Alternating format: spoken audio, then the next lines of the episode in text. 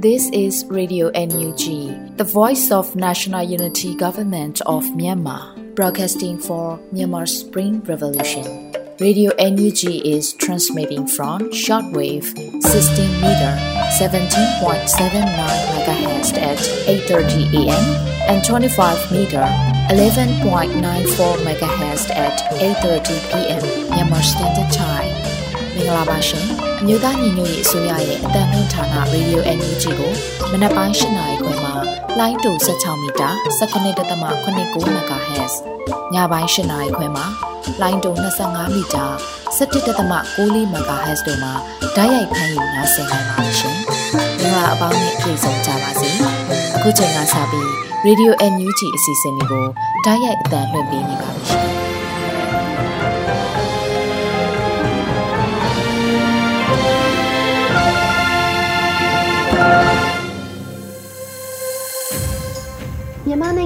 င်ငံသူနိုင်ငံသားအပေါင်းတဘာဝပြီးစစ်အာဏာရှင်ဘေးဒုက္ခနေကင်းဝေးပြီးဘေးကင်းလုံခြုံကျန်းမာကြပါစေလို့ရေဒီယို UNG အဖွဲ့သားများကဆုတောင်းမေတ္တာပို့သလိုက်ရပါတယ်ရှင်ပထမဆုံးအနေနဲ့ကာကွယ်ရေးဝန်ကြီးဌာနရဲ့စစ်ရေးတရင်အကျဉ်းချုပ်ကိုမောင်ကျူးမှတင်ဆက်ပေးမှာဖြစ်ပါတယ်ရှင်မြို့သားညီညွတ်ရေးအစိုးရကာကွယ်ရေးဝန်ကြီးဌာနကထုတ်ပြန်တဲ့နိုင်စဉ်စီးတရင်ချင်းချုပ်ကိုတင်ပြပါရမယ်ခင်ဗျာနိုင်စဉ်စီးတရင်ချင်းချုပ်ရ စစ်ကောင်စီတပ်သား9ဦးသေဆုံးပြီးဒဏ်ရာရစစ်ကောင်စီတပ်သားစင်းကိုစုံစမ်းနေစေဖြစ်ကြောင်းသိရှိရပါတယ်စစ်ကောင်စီနဲ့တိုက်ပွဲဖြစ်ပွားမှုသတင်းများကိုပထမဦးစွာတင်ပြပါမယ်ခင်ဗျာရန်ကုန်တိုင်းမှာ2022ခုနှစ်ဒီဇင်ဘာလ22ရက်နေ့မနက်6နာရီခန့်ကတောင်မွေမြို့နယ်တောင်မွေကြီးခါခွေရက်ကွက်အရှိမြင်းပြိုင်ကွင်းနဲ့တောင်မြင်းပြိုင်ကွင်းလမ်းတောင်ညပြကွင်းအမှတ်6ခေရှိစစ်ကောင်စီကင်းတဲ့ကို Freeland Attack Force FLA နဲ့ Emerald Guard Army EGA Revolution of 21st Century အဖွဲ့တို့ပူးပေါင်းပြီးလက်ပြပုံနဲ့ဖောက်ခွဲတိုက်ခတ်ခဲ့ကြောင်းသိရှိရပါတယ်။မန္တလေးတိုင်းမှာဒီဇင်ဘာလ21ရက်နေ့ညနေ6:26မိနစ်ခန့်ကတပေချင်းမြို့နယ်ကြာညက်စစ်စေးရေးဂိတ်ကဗိုလ်မှူးပါဝင်ရဲတအုပ်နဲ့စစ်ကောင်စီတပ်သား9ဦးပါတဲ့ဆိုင်ကယ်လေးစီးဟာမန္တလေးဗမော်အမြန်လမ်းရှိစေစင်းကုန်းရွာထိပ်မှာခီးသွွားဆိုင်ကယ်ကားများကိုငွေညစ်တောင်းခံပြီးများပြုလုပ်ပြီးဂျာညစ်စစ်စေးရေးဂိတ်ကိုပြန် ဘိုးရင်ကြီးရွာနဲ့ပရိဖြူကြီးရွာကြားပြည်သူ့ကာကွယ်ရေးတပ်ဖွဲ့ဂျာညက်နဲ့လျှက်စီးပျောက်ကြားတပ်ဖွဲ့တို့ပူးပေါင်းပြီးမိုင်းလေးလုံးနဲ့စောင့်ကြိုတိုက်ခိုက်ခဲ့ရာရဲနဲ့တပ်သားစုစုပေါင်း9ဦးသေဆုံးခဲ့ကြောင်းသိရှိရပါတယ်။စစ်ကောင်စီကကျွလွန်တဲ့ရာဇဝတ်များကြောင့်ကိုဆက်လက်တင်ပြပါမယ်ခင်ဗျာ။စကိုင်းတိုင်းမှာ2022ခုနှစ်ဒီဇင်ဘာလ21ရက်နေ့နေ့လယ်12နာရီခန့်ကရွှေဘုံမြို့နယ်ရွှေဘုံမြို့စိတ်ခွန်လမ်းပိုင်းချီပါမြို့တန့်ချံအနီးမှာ စစ်ကောင်စီတပ်သားရဲများအင်အားအများပြားနဲ့စစ်ဆေးလျက်ရှိပြီးပြည်သူငေါကိုလက်ပြန်ကျိုးတုပ်ဖမ်းဆီးကဆိုင်ကယ်များကိုလည်းတင်စီသွားကြောင်းသိရှိရပါတယ်။ဒီဇင်ဘာလ20ရက်နေ့လယ်တနာရီ9မိနစ်ခန့်ကရွှေဘုံမြို့နယ်ရွှေဘုံမြို့မှာစစ်ကောင်စီတပ်သားများစစ်ဆေးနေတဲ့အတွက်ပြန်လှည့်မောင်းနှင်သွားတဲ့လူနှုတ်ဥပါဆိုင်ကယ်တစ်စီးကိုစစ်ကောင်စီတပ်သားရဲများကကားတစ်စီးနဲ့လိုက်လံပစ်ခတ်ခဲ့ရာဘဝရိပ်သာလမ်းတောင်ဘက်အနီးမှာလဲကျခဲ့ပြီးပြည်သူတို့တည်ဆုံးခဲ့ကြောင်းသိရှိရပါတယ်။ ဒီဇင်ဘာလ21ရက်နေ့နေ့လယ်12:20မိနစ်ခန့်ကဝန်တုံမြို့နယ်ကြောက်ဖောက်ကုံကျေးရွာနဲ့အလဲကုံကျေးရွာကြားရှိတဲများကိုခမရ369 361ကစစ်ကောင်စီတပ်သားများနဲ့ပြူစော်ဒီများကမိရှုဖျက်ဆီးခဲ့ကြောင်းသိရှိရပါတယ်။အခုတင်ပြခဲ့တဲ့နေစဉ်စည်သတင်းချင်းချုပ်ကိုရေပြင်သတင်းတာဝန်ခံများနဲ့သတင်းဌာနများကဖော်ပြထားတဲ့အချက်များပေါ်အခြေခံပြုစုထားတာဖြစ်ပါတယ်။ကျွန်တော်မောင်ကျူပါ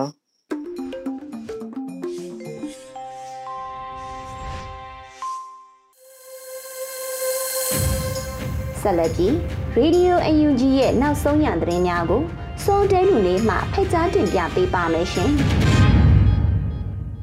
မင်္ဂလာပါအခုချိန်ရစပြီးမနက်ပိုင်းပြည်တွင်သတင်းများကိုစတင်တင်ပြပေးပါတော့မယ်ကျွန်တော်စောတဲလူနေပါ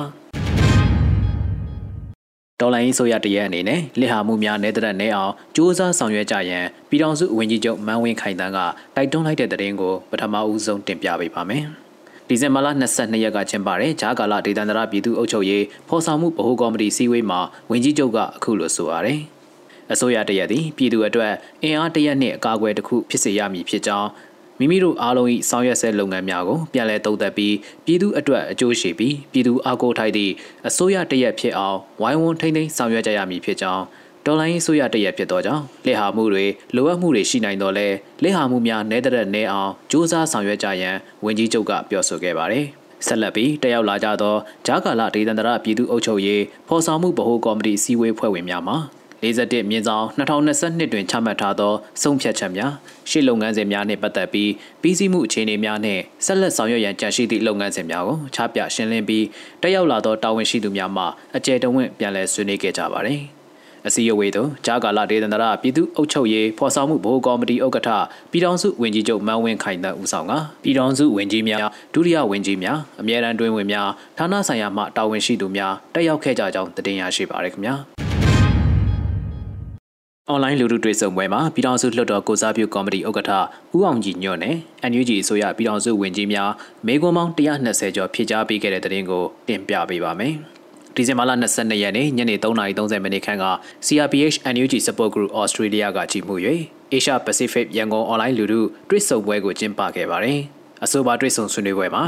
နွေဦးဒေါ်လာရေး၏နိုင်ငံတကာဆက်ဆံရေးနှင့်တန်တမာရေးအခြေအနေများအမျိုးသားညီညွတ်ရေးတိုင်ပင်ခံကောင်စီ၌အမျိုးသားညီညွတ်ရေးဆိုရတိုင်းရင်းသားလက်နက်ကိုင်ဖွဲ့စည်းတို့နှင့်ပြည်ထောင်စုလွှတ်တော်ကိုစားပြုကော်မတီတို့ကြားပူးပေါင်းဆောင်ရွက်မှုအခြေအနေများအနာဂတ် Federal Democracy ပြည်ညင်ပါနိုင်ငံရေးလမ်းပြမြေပုံအကောင့်ထဲပေါ်ဆောင်ရွက်နေမှုအကြံဖက်စစ်ကောင်စီ၏အတူရောင်ရွေးကောက်ပွဲအပေါ်တုံ့ပြန်နေမှုတို့နှင့်ဆက်လျင်းသည့်မိကွန်များကိုဖြေကြားခဲ့ကြပါသည်။ အဆိုပါတွေ့ဆုံပွဲသို့ပြည်ထောင်စုလွှတ်တော်ကိုစားပြုကော်မတီဥက္ကဋ္ဌဦးအောင်ကြည်ညွန့်နိုင်ငံသားရေးဝန်ကြီးဌာနပြည်ထောင်စုဝန်ကြီးဒေါ်စင်မအောင်စီမံကိန်းဗဏ္ဍာရေးနှင့်ယင်းနှမြုပ်နယ်ရေးဝန်ကြီးဌာနပြည်ထောင်စုဝန်ကြီးဦးတင်ထွန်းနိုင်ကာကွယ်ရေးဝန်ကြီးဌာနအမြဲတမ်းတွင်းဝင်ဦးနိုင်ထူအောင်လူခွင့်ရေးရာဝန်ကြီးဌာနဒုတိယဝန်ကြီးကွန်ပဟန်ထန်နဲ့အမျိုးသားညီညွတ်ရေးဆိုရကိုရီးယားသမ္မတနိုင်ငံဆိုင်ရာကိုယ်စားလှယ်ဂျပန်နိုင်ငံဆိုင်ရာကိုယ်စားလှယ်နဲ့ဩစတြေးလျနိုင်ငံဆိုင်ရာကိုယ်စားလှယ်များအခြားနိုင်ငံတကာရောက်တော်လှန်ရေးအင်အားစုများတက်ရောက်ခဲ့ကြကြောင်းတင်ပြရရှိပါရခင်ဗျာ အခုတခါပြည်တော်စုဝင်ကြီးဒေါက်တာဆာဆာကဗြိတိန်ပါလီမန်မှာ Baroness Cause of Queensberry နဲ့လှုပ်ဖော်ကိုင်းဘက်များကိုတွေ့ဆုံခဲ့တဲ့တဲ့တင်တင်ပြပေးပါမယ်။ဒီဇင်ဘာလ22ရက်နေ့မှာပြည်ပဆိုင်ရာပူးပေါင်းဆောင်ရွက်ရေးဝန်ကြီးဒေါက်တာဆာဆာကအခုလိုအသိပေးဖော်ပြထားပါတယ်။ဒေါက်တာဆာဆာသည်ဗြိတိန်ပါလီမန်မှ Baroness Cause of Queensberry နဲ့လှုပ်ဖော်ကိုင်းဘက်များကိုတွေ့ဆုံခဲ့တယ်လို့ဖော်ပြထားပါတယ်။ တွေ့ဆုံမှုတွင်ကုလသမဂ္ဂတွင်ဗြိတိန်အခမ်းကဏ္ဍအရေးပါပုံနိုင်ငံတကာအတိုင်းဝိုင်းမှမြန်မာနိုင်ငံရေးအတွက်လက်တလောလှုပ်ဆောင်မှုများဖြစ်သောမြန်မာနိုင်ငံတွင်ဖြစ်ပေါ်လျက်ရှိသည့်အခြေအနေများနှင့်ပတ်သက်သောဆုံးဖြတ်ချက်အဆိုမူကြမ်းကိုကုလသမဂ္ဂလုံခြုံရေးကောင်စီကအတည်ပြုခဲ့ခြင်းနှင့်အမေရိကန်ပြည်ထောင်စုအမျိုးသားကာကွယ်ရေးလုပ်ပိုင်ခွင့်အက်ဥပဒေ US National Defense Authorization Act NDAA တွင်ဘာမာအက်ကိုထည့်သွင်းအတည်ပြုခဲ့ခြင်းစသည့်ကိစ္စရပ်များကိုဆွေးနွေးခဲ့ကြကြောင်းတင်ပြရရှိပါရခင်ဗျာ။ အခုတင်ပြပေးမှာကတော့မြန်မာပြည်သူတွေရဲ့အသက်စီးစိမ်အိုးအိမ်ကိုကယ်တင်နိုင်ရေးကုလသမဂ္ဂလုံခြုံရေးကောင်စီရဲ့ပြတ်သားတဲ့ဆုံးဖြတ်ချက်ကိုအထူးလိုအပ်တယ်လို့တန်အမတ်ကြီးဦးကျော်မိုးထွန်းပြောကြားလိုက်တဲ့သတင်းပဲဖြစ်ပါတယ်။ဒီဇင်ဘာလ22ရက်ကုလသမဂ္ဂဆိုင်ရာမြန်မာအမြဲတမ်းကိုယ်စားလှယ်တန်အမတ်ကြီးဦးကျော်မိုးထွန်းကကုလသမဂ္ဂသတင်းစာရှင်းလင်းပွဲမှာလက်ရှိအခြေအနေနဲ့ပတ်သက်ပြီးအခုလိုပြောကြားခဲ့တာဖြစ်ပါတယ်။ အဓိကအချက်ကတော့မြန်မာပြည်သူတွေရဲ့အသက်အိုးအိမ်စီးစိမ်ကိုကယ်တင်နိုင်ရေးနဲ့ဒေသတွင်းမတိမငြိမ်ဖြစ်နေတာတွေကိုကာကွယ်ထိန်းသိမ်းဖို့လုံခြုံရေးကောင်စီရဲ့ပြတ်သားတဲ့ဆုံးဖြတ်ချက်ကိုအထူးလိုအပ်ပါတယ်လို့ဆိုထားပါတယ်။အကြမ်းဖက်စစ်ကောင်စီကိုလက်ရှိကျူးလွန်နေတဲ့အကြမ်းဖက်မှုတွေကိုအမြန်ဆုံးရပ်တန့်နိုင်ဖို့နိုင်ငံရေးကျင်းသားများပါဝင်ဖမ်းဆီးခံထားရတဲ့သူတွေအားလုံးကိုအမြန်ဆုံးပြန်လွှတ်ပေးဖို့လူခွင့်ရေးလေးစားဖို့တောင်းဆိုတဲ့အချက်တွေပါဝင်တဲ့ဆုံးဖြတ်ချက်တစ်ခုကိုလူခွင့်ရေးလုံခြုံရေးကောင်စီကချမှတ်လိုက်တာဖြစ်ပါတယ်။ မြမအရေးနဲ့ပတ်သက်တဲ့မူကြမ်းမှာဗီဒိုအာနာသုံးပြီးကန့်ကွက်တဲ့နိုင်ငံမရှိတဲ့အပြင်ထောက်ခံသူ12နိုင်ငံဂျားနေ3နိုင်ငံသာရှိခဲ့လို့ဆုံးဖြတ်ချက်အတည်ပြုနိုင်ခဲ့တာဖြစ်ကြောင်းသတင်းရရှိပါရခင်ဗျာ။ NUG လုံသမားဝင်ကြီးဌာနမှထိုင်းမြန်မာနယ်စပ်တွင်ရောက်ရှိနေသောမြန်မာရွှေပြောင်းလုံသမားများရွှေပြောင်းသွားလာနေထိုင်ကြသူများ၏သားသမီးများအတွက်လိုအပ်သောကျောင်းသုံးပစ္စည်းများနှင့်အသုံးဆောင်ပစ္စည်းများထောက်ပံ့လှူဒါန်းလိုက်တဲ့သတင်းကိုတင်ပြပေးသွားပါမယ်။ ဒီဇင်ဘာလ22ရက်နေ့မှာအဆိုပါသတင်းနဲ့ပတ်သက်ပြီးအလုံသမားဝင်ကြီးဌာနကအခုလိုသိပေးဖော်ပြထားပါတယ်။2022ခုနှစ်ဒီဇင်ဘာလ18ရက်နေ့တွင်ကြာရောက်သည့် International Migrants Day 2022အထိမ်းအမှတ်အဖြစ်မြို့သားညီညွတ်ရေးဆိုရာလုံသမားဝင်ကြီးဌာနသည်ထိုင်းမြန်မာနယ်စပ်တွင်ရောက်ရှိနေသောမြန်မာရွှေပြောင်းလုံသမားများရွှေပြောင်းလုံသမားများ၏ပညာသင်ကြားလျက်ရှိသောသားသမီးများအတွက်လိုအပ်သည့်ကျောင်းသုံးပစ္စည်းများနှင့်အသုံးဆောင်ပစ္စည်းများကိုထောက်ပံ့လှူဒါန်းခဲ့တယ်လို့ဖော်ပြထားပါသည်။ အဆိုပါကျောင်းသုံးပစ္စည်းများကိုမြန်မာရွှေပြောင်းကလေးများအတွက်ဖွင့်လှစ်ထားသည့်ကျောင်းများသို့တွားရောက်၍ထောက်ပံ့လှူဒါန်းမှုများပြုလုပ်ခဲ့တာဖြစ်ကြောင်းသတင်းရရှိပါရခင်ဗျာ စကိုင်းတိုင်းဒေသကြီးလွတ်တော်ကိုစားပြုကော်မတီ CRSH နဲ့စကိုင်းတိုင်းဒေသကြီးတပိတ်အင်အားစုဒီမိုကရေစီအင်အားစုတို့တွဲဆုံဆွေးနွေးတဲ့တဲ့ရင်ကိုဆက်လက်တင်ပြပေးပါမယ်။ဒီဇင်ဘာလ22ရက်နေ့ကစကိုင်းတိုင်းဒေသကြီးလွတ်တော်ကိုစားပြုကော်မတီ CRSH နဲ့စကိုင်းတိုင်းဒေသကြီးတပိတ်အင်အားစုဒီမိုကရေစီအင်အားစုများဟာဗီဒီယိုကွန်ဖရင့်မှာတဆင့်တွဲဆုံဆွေးနွေးခဲ့ကြပါတယ်။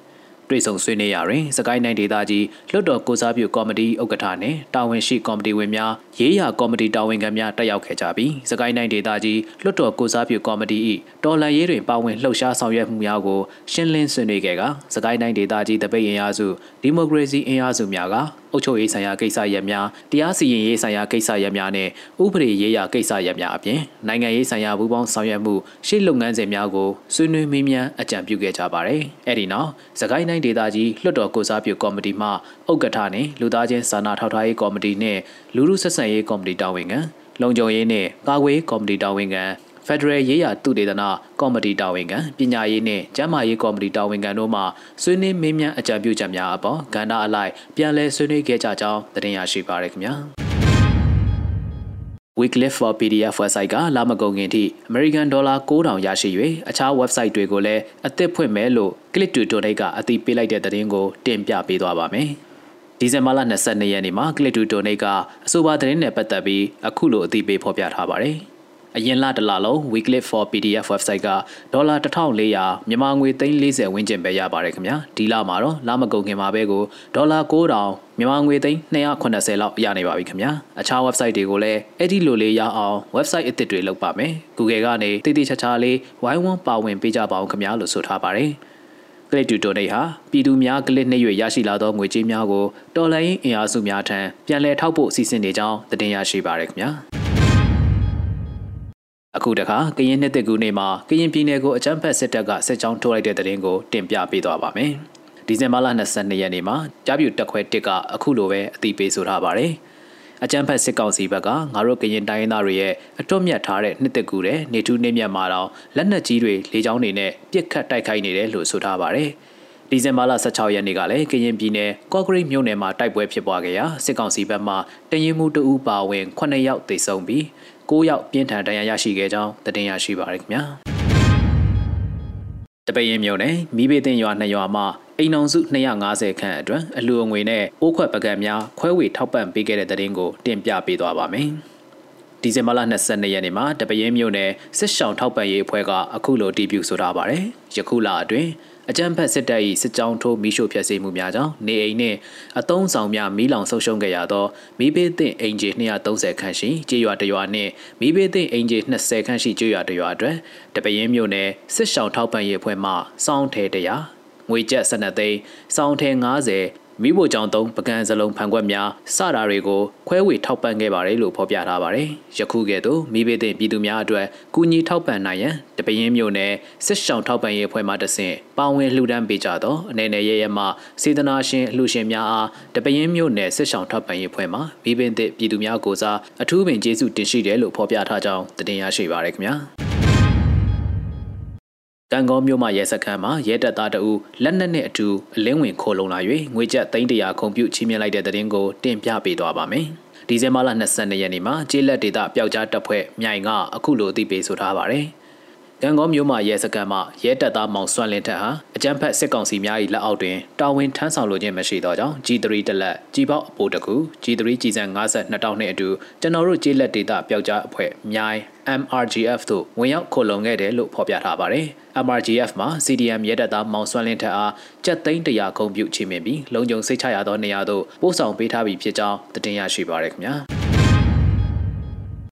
အခုတင်ပြပေးမှာကတော့တာစီထောင်ကစစ်ကောင်စီတပ်ကင်းတဲ့ကိုလက်နက်ကြီးများနဲ့ကာဝေးတပ်များကပစ်ခတ်တိုက်ခိုက်၍ထိမှန်သွားတဲ့တဲ့ရင်ပဲဖြစ်ပါတယ်။ဒီဇင်ဘာလ22ရက်နေ့မှာစစ်ရေးသတင်းကိုပုံနကပျောက်ကြားတပ်ဖွဲ့မုံရွာကအတီးပြုတ်ပြောဆိုထားပါတယ်။ဒီဇင်ဘာလ22ရက်ည8:30မိနစ်အချိန်ခန့်ကအနောက်မြောက်တိုင်းမဟာမိတ်တပ်ပေါင်းစုနဲ့မဟာမိတ်များဖြစ်ကြသောပုံနကပျောက်ကြားတပ်ဖွဲ့မုံရွာခရိုင်တပ်ရင်း24မုံရွာ Ranger Group True Army MACD ပျောက်ကြားတပ်ဖွဲ့ DRPA Future Stars LPDF NKLTF တပ်ဖွဲ့တို့နှင့်120မမနှလုံး60မမ6လုံး40မမနှလုံးတို့ဖြင့်တာစီတောင်ရှိစစ်ကောင်စီတပ်အားပစ်ခတ်တိုက်ခိုက်ခဲ့ပြီးကင်းတဲပေါ်ကြရောက်ရာမီးလောင်ပျက်စီးခဲ့ပါတယ်လို့ဆိုထားပါတယ်။လက်တလောစစ်ကောင်စီတပ်များအသေးအပြောက်စည်ရင်ကိုတော့စုံစမ်းနေဆဲဖြစ်ကြောင်းတင်ရရှိပါရခင်ဗျာ မုံရမြို့နယ်တော်ပူကျေးရွာမှာအပြစ်မဲ့ပြည်သူများလျင်မြန်စွာရွှေ့ပြောင်းနေထိုင်ကြရန်ကာကွယ်တပ်ဖွဲ့18ဖွဲ့အတိပေးကြီးညာတဲ့တရင်ကိုတင်ပြပေးပါမယ်။ဒီဇင်ဘာလ22ရက်နေ့မှာပြည်သူ့ကာကွယ်ရေးတပ်18ဖွဲ့ပူးပေါင်း၍ကြီးညာချက်ထုတ်ပြန်လိုက်တာဖြစ်ပါတယ်။မုံရမြို့နယ်တော်ပူကျေးရွာဟာစစ်ကောင်စီအကြမ်းဖက်ဆေးအုပ်စုရဲ့စစ်ကြောင်းများအင်အားဖြည့်တင်းရာပြူစောတိအဖွဲ့သားများနေထိုင်တဲ့ကျေးရွာများဖြစ်တယ်လို့ဆိုထားပါတယ်။ တို့ဖြစ်ပါ၍ယခုကြေညာချက်ထုတ်ပြန်သည့်အချိန်မှစတင်ကပြစ်မဲ့ပြည်သူများလျင်မြန်စွာရွှေ့ပြောင်းနေထိုင်ကြပါရန်နှင့်ထိုးစစ်ဆင်သည့်အခါတွင်လည်းထိခိုက်မှုဖြစ်ပေါ်နိုင်၍ကြိုတင်အသိပေးထုတ်ပြန်တယ်လို့တင်ရရှိပါရခင်ဗျာရေစကြုံမြို့နယ်ထမ်းမြင့်ချောင်းကျေးရွာမှာရွာသားရေးကျေးရွာသို့စစ်ကြောင်းထိုးလာသောစစ်ကောင်စီတပ်များကိုကာကွယ်တပ်များတိုက်ခိုက်ရာ၃ဦးသေဆုံးပြီး၂ဦးထိခိုက်ဒဏ်ရာရရှိခဲ့တဲ့တဲ့တင်ကိုတင်ပြပေးသွားပါမယ်။ ဒီဇင်ဘာလ22ရက်မှာစစ်ရေးသတင်းကိုပြည်သူ့ကာကွယ်ရေးတပ်ဖွဲ့ရေးစကြိုကအခုလိုအသိပေးပြောဆိုထားပါတယ်။ရေးစကြိုမြို့နယ်ထမ်းမြင့်ချောင်းကျေးရွာမှာတာယာကြီးကျေးရွာသို့အင်အား80ခန့်ဖြင့်စစ်ကြောင်းထိုးလာသောစစ်ကောင်စီတပ်များအားဒီဇင်ဘာလ22ရက်နေ့နေ့လယ်2နာရီချိန်မှစ၍2နာရီကြာထိတွေ့မှုဖြစ်ပွားခဲ့တယ်လို့ဖော်ပြထားပါတယ်။စစ်ကောင်စီဘက်မှ3ဦးသေဆုံးက2ဦးထိခိုက်ဒဏ်ရာရရှိခဲ့တယ်လို့တင်ရရှိထားပါတယ်။ စစ်စင်ရေးကိုပြည်သူ့ကာကွယ်ရေးတပ်ဖွဲ့ရေစကြိုမြို့နယ်ပကဖနဲ့နုပြည်သူ့ကာကွယ်ရေးတပ်ဖွဲ့မြိုင်ပကဖတရင်နှင့်ပခုတ်ကူ People Defense Force PPDF King Cobra People Defense Force Urban Underground Revolution Force YSO ပခုတ်ကူမြို့ပြပျောက်ကြားအဖွဲ့ PUGF Yan Force နဲ့အတူအခြားသောမဟာမိတ်အဖွဲ့များပူးပေါင်းပြုလုပ်ခဲ့ကြကြောင်းတင်ရရှိပါရခင်ဗျာအခုတင်ပြပေးတဲ့သတင်းတွေကိုတော့ Radio NUG သတင်းတောက်မင်းမင်းကပေးပို့ထားတာပဲဖြစ်ပါတယ်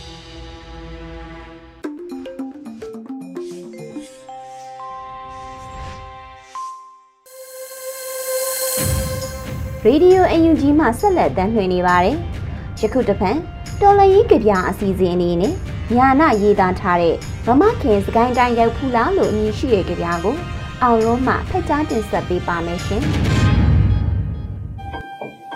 မမခင်စကိုင်းတိုင်းရောက်ဖူးလား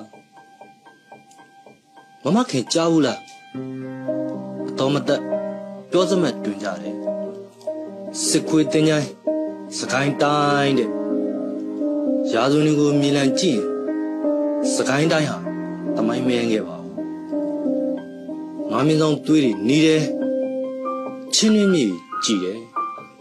မိုင်းခွဲတယ်ပြင်းပြင်းမြည်တယ်ဒါစကိုင်းတိုင်းပဲမမခင်ကိုမောင်မင်းဆက်တဆက်ပေါ်ထွန်းခဲ့ရတမိုင်းနဲ့အစင်းလားဇေယျတခွင်မှာ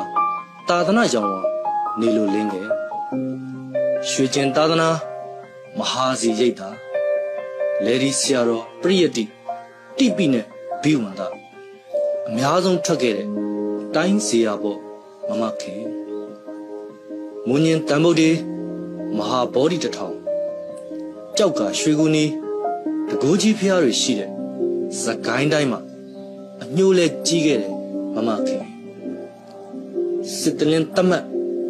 စီမံချက်နဲ့ရက်ဆက်သမျှကြီးစံတွေဟာမိုးတီးလို့ရွာချ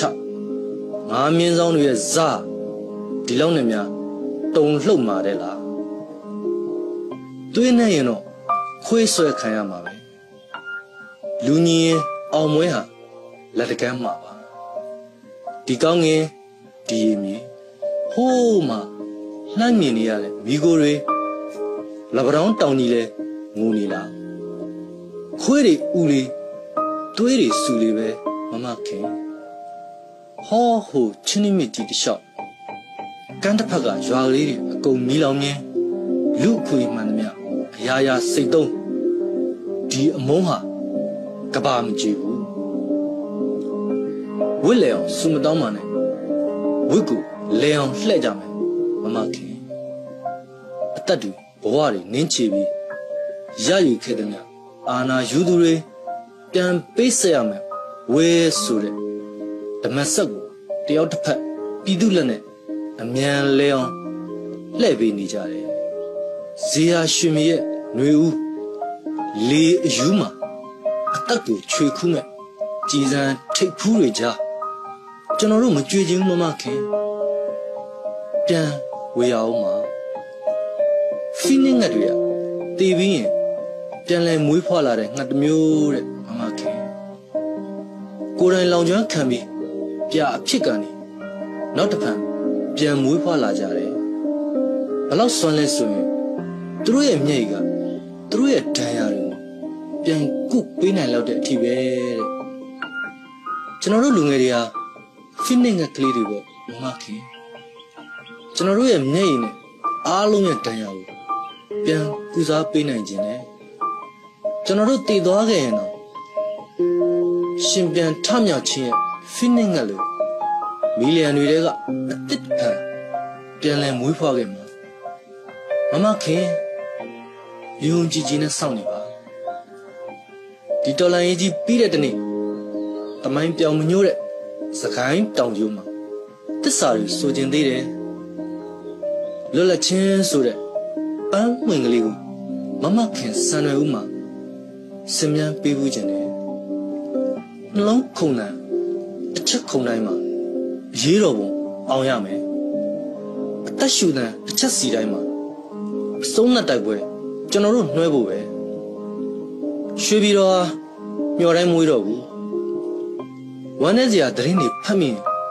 ငိုပါနဲ့မမခင်ရင်ခုံမှာရှင်သန်မှာမျောလင့်မှာရောင်နီချင်းနစ်တည်းရဲ့ မနှက်ဖန်တွေတိုင်းမှာမွေးတော့တဲ့အနာဂတ်တွေရှိနေတယ်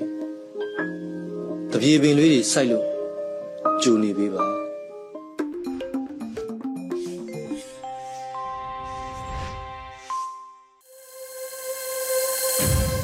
ရေဒီယိုအယူကြီးမှဆက်လက်တမ်းလွှင့်နေပါတယ်ဆက်လက်ပြီးပြည်သူခုခံတော်လှန်စစ်တရင်များကိုမျိုးဦးလင်းအိမ်မှတင်ဆက်ပေးမှာဖြစ်ပါတယ်ရှင်ပထ မဆုံးအနေနဲ့မတရားရင်စစ်တပ်ကင်းမုံကို drone ဖြင့်ပုံသီးချတိုက်ခိုက်တဲ့တဲ့ရင်ကိုတင်ဆက်ပေးမှာပါမန္တလေးမတရားမြို့နယ်မှာအကြမ်းဖက်စစ်တပ်ကင်းမုံကိုဒေသခံကာကွယ်ရေးတပ်ဖွဲ့တွေက drone ဖြင့်ပုံသီးချတိုက်ခိုက်ခဲ့ကြောင်း Unicorn ပျောက်ကြားတပ်ဖွဲ့ကထုတ်ပြန်ပါတယ် ဒီဇင်ဘာလ22ရက်နေ့မှာမတရားမြို့နယ်30ပေကြီးရွာမှာအထိုင်ချတက်ဆွဲထားတဲ့အကြမ်းဖက်စစ်တပ်မှစစ်သားများကင်းပုံဝင်နေစဉ်ဒေသခံကာကွယ်ရေးတပ်ဖွဲ့တွေက drone နဲ့ပုံသီးချတိုက်ခိုက်ခဲ့ခြင်းဖြစ်ပြီးအထူးကိုက်ကိုတော့မသိရသေးဘူးလို့ဆိုပါတယ်။မန္တလေးဗမော်လမ်းမော်စစ်စေးရေးဂိမ်းမှပြန်လာတဲ့စစ်ကြောင်းကိုမိုင်းဆွဲတိုက်ခိုက်မှုမှာရဲနှင့်စစ်သား၄ဦးသေဆုံးတဲ့တဲ့ရင်ကိုဆက်လက်တင်ဆက်ပေးမှာပါ။ မန္တလေးတိုင်းတပိတ်ချင်းမြို့နယ်ဆယ်စင်းကုန်းကျေးရွာထိပ်ရှိမန္တလေးဗမော်လန်စစ်တပ်စစ်စေးရေးဂိမ်းမှပြန်လာတဲ့စစ်ကြောင်းကို PDF ကမိုင်းဆွဲတိုက်ခိုက်ရာရဲနှင့်စစ်သား၄ဦးသေဆုံးကြောင်းတပိတ်ချင်းမြို့နယ်ပကဖထံမှသိရပါဗျ။ဒီဇင်ဘာလ22ရက်နေ့ညနေ6နာရီချိန်မန္တလေးဗမော်လန်ဆယ်စင်းကုန်းရွာထိပ်မှာခရီးသွားဆိုင်ကယ်နဲ့ကားတွေကိုငွေညစ်တောင်းခံမှုများပြုလုပ်နေတဲ့ကြာညက်စစ်ကောင်စီစစ်ဆေးရေးဂိမ်းမှ ဗိုလ်မှူးတအူးပါအကြမ်းဖက်စစ်ကောင်စီဝင်များနဲ့ရဲရှိဦးဟာစစ်စေးရေးဂိမ်းမှပြန်လာစဉ်ကိုးပင်ကျေးရွာနဲ့ပတိဖြူကျေးရွာအကြားမှာစစ်လင်မိုင်းနှလုံးရှေ့တော်မိုင်းနှလုံးနဲ့မိုင်းဆွဲတိုက်ခိုက်ခဲ့ခြင်းဖြစ်ကြောင်းမိုင်းဆွဲတိုက်ခိုက်မှုကြောင့်အကြမ်းဖက်စစ်ကောင်စီဝင်များနဲ့ရဲစုစုပေါင်း၄ဦးသေဆုံးပြီး၃ဦးဒဏ်ရာရရှိကြောင်းပြည်သူ့ကာကွယ်ရေးအဖွဲ့များအထူးကိအကြဆုံးမရှိဆုတ်ခွာနိုင်ခဲ့ကြောင်းသိရှိရပါတယ်။ ဆက်လက်တင်ဆက်ပေးမှာကတော့တနင်္သာရီတိုင်းတရက်ချောင်းမြို့နယ်မှာအကြမ်းဖက်စစ်သားတွေကိုမိုင်းဆွဲပစ်ခတ်တိုက်ခိုက်တဲ့တဲ့မှာဒီဇင်ဘာလ20ရက်နေ့မွန်းလွဲ7နာရီခန့်မှာအကြမ်းဖက်စစ်သား10ဦးခန့်လိုက်ပါလာတဲ့ကားတစ်စီးဟာစုံစင်ဖျားကျေးရွာရှိနေအိမ်တစ်လုံးမှာစခန်းချနေထိုင်နေစဉ်မိုင်းဆွဲတိုက်ခိုက်ခံရပြီးစစ်သား2ဦးသေဆုံးခဲ့ကြောင်းသိရပါဗျ။ မိုင်းဆွဲတိုက်ခိုက်မှုဖြစ်ပွားပြီးနောက်ပြစ်ခတ်တိုက်ခိုက်မှုများပါဆက်လက်ဖြစ်ပွားခဲ့ပြီးစုံစင်ဖျားရွာမိသက်ယုံရှိအကြမ်းဖက်စစ်သား90ခန်းမှလက်နက်ကြီးများနဲ့ပြစ်ခတ်ပြီးစစ်ကူလိုက်လာတာကြောင့်ကာကွယ်ရေးတပ်ဖွဲ့များအထူးကမရှိပြန်လည်ဆုတ်ခွာနိုင်ခဲ့ကြောင်းဒေါင်းမင်းစစ်စင်ရေးအဖွဲ့ကထုတ်ပြန်ထားပါတယ်။နောက်ဆုံးအနေနဲ့ကဏီတိုက်ပွဲမှာစစ်ကောင်စီတပ်ဖွဲ့ဝင်အထူးကိများတဲ့တဲ့ရင်ကိုတင်ဆက်ပေးပါမယ်။ စကိုင်းတိုင်းကဏီမြို့နယ်ချင်းတွင်းမြစ်ကြောင်းအတွင်းစစ်ကောင်စီရိတ်ခါတင်ရေရင်ရှစ်စီးအတွက်မြေပြင်လုံခြုံရေးယူပေးတဲ့အင်အား150ခန့်ရှိစစ်ကြောင်းကိုကဏီဒေသကာကွယ်ရေးပူးပေါင်းတပ်ဖွဲ့ကဝိုင်းဝန်းတိုက်ခိုက်ရာစစ်သား30ကျော်သေဆုံးခဲ့ကြောင်းမြန်မာ Defense Force ထံမှသိရပါဗျ။ မနေ့ကဒီဇင်ဘာလ22ရက်နေ့မှာချင်းတွင်းမြစ်ကြောင်းအတိုင်းစံတက်လာတဲ့အကြမ်းဖက်စစ်ကောင်စီရိတ်ခါတင်ရေရင်ရှစ်စီးကိုမြေပြင်မှလုံခြုံရေးယူပေးထားတဲ့အင်အား150ခန့်ဖြင့်စစ်တပ်စစ်ကြောင်းကိုမြန်မာ Defense Force နဲ့ဒေသကာကွယ်ရေးတပ်ဖွဲ့တွေကပူးပေါင်းကတိုက်ခိုက်ခဲ့ခြင်းမှာတတည်ဆုံးသွားတဲ့စစ်ကောင်စီတပ်ဖွဲ့များထံမှလက်နက်ခဲယမ်းများတင်ဆက်ရမိထားပေမဲ့အသေးစိတ်ကိုသက်ဆိုင်ရာရဲ့ထုတ်ပြန်ချက်များကိုသာစောင့်ဆိုင်းရန်ရှေ့တန်းသတင်းရင်းမြစ်တချို့ကအတိပေးပြောဆိုထားပါတယ်ရှင်။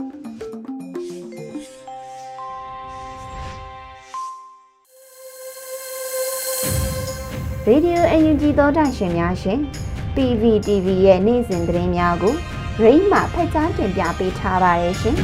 ။ပထမဆုံးတင်ဆက်မှာကကရင်နှစ်သက်ကူနေအတွက်အမျိုးသားညွရေးအစိုးရကတဝန်လွှာပေးပို့တဲ့သတင်းမှာအမျိုးသားညွရေးအစိုးရက ဒီနေ့ကြာရောက်တဲ့2962ကရင်နှစ်သက်ကူနေမှာကရင်လူမျိုးအလုံးဝမ်းမြောက်ရှင်လန်းပြီးကရင်လူမျိုးတို့ရဲ့ရည်ရွယ်ချက်များကိုစောင့်ကျဉ်ပေးတဲ့အောင်မြင်မှုများရရှိနိုင်ပါစေကြောင်းဆုတောင်းမင်္ဂလာတဝန်လွှာကိုပေးပို့လိုက်ပါတယ်။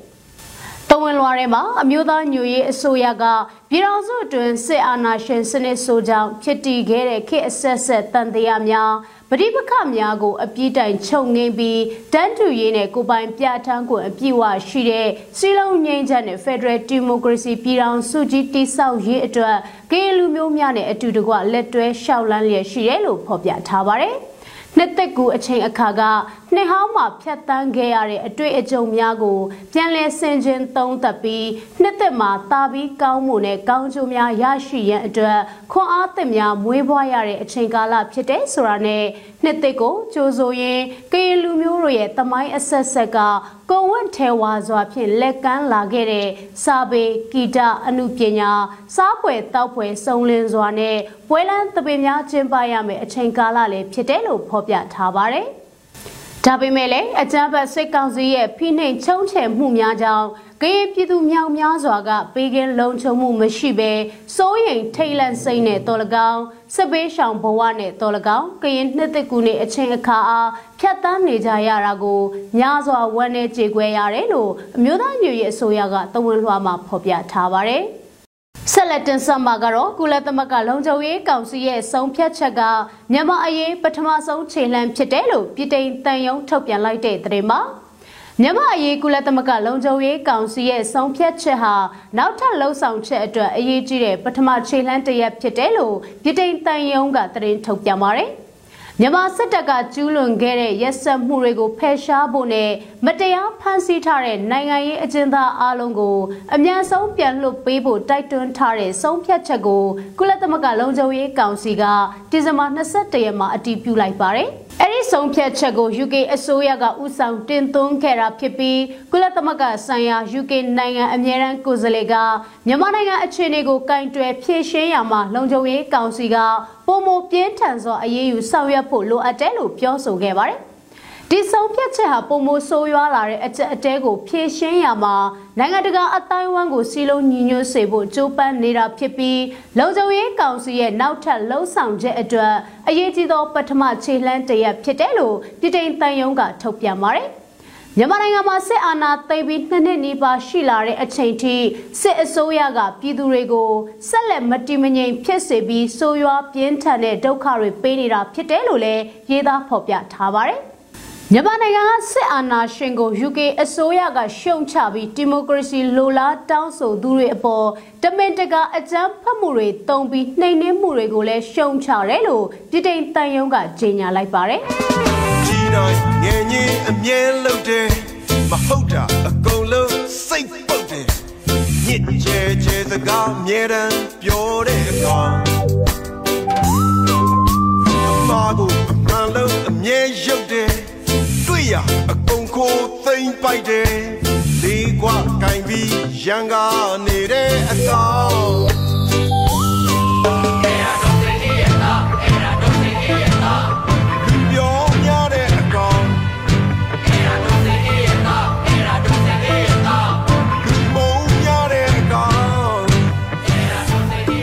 ဒီကနေ့ကတော့ဒီညနဲ့ပဲ Radio NUG ရဲ့အစီအစဉ်လေးကိုခਿੱတရနာလိုက် ပါမယ်ရှင်။မမစံတော်ချိန်မနက်၈နာရီခွဲနဲ့ည၈နာရီခွဲအချိန်တွေမှာပြန်လည်ဆုံးဖြတ်ကြပါစို့။ Radio NUG ကိုမနက်ပိုင်း၈နာရီခွဲမှာလိုင်းတူ16မီတာ19.8 MHz ညပိုင်း၈နာရီခွဲမှာလိုင်းတူ25မီတာ17.6 MHz တို့မှာဓာတ်ရိုက်ဖမ်းလို့နိုင်စေနိုင်ပါပြီ။ မြန်မာနိုင်ငံသူနိုင်ငံသားတွေကိုစိတ်နှပြကျန်းမာချမ်းသာလို့ဘေးကင်းလုံခြုံကြပါစေလို့ Radio NUG အဖွဲ့သူဖွဲ့သားတွေကဆုတောင်းမြတ်တာပို့တာနေပါတယ်ရှင်။မြေသားညီမတွေအစိုးရရဲ့စက်တော်ရင်သတင်းအချက်အလက်တွေလူပညာဝန်ကြီးဌာနကထုတ်လွှင့်နေတဲ့ Radio NUG ဖြစ်ပါတယ်။ San Francisco Bay Area အခြေစိုက်မြန်မာမိသားစုတွေနဲ့နိုင်ငံတကာကစေတနာရှင်တို့အားပေးနေတဲ့ Radio NUG ဖြစ်ပါတယ်။အရေးတော်ပုံအောင်ရမည်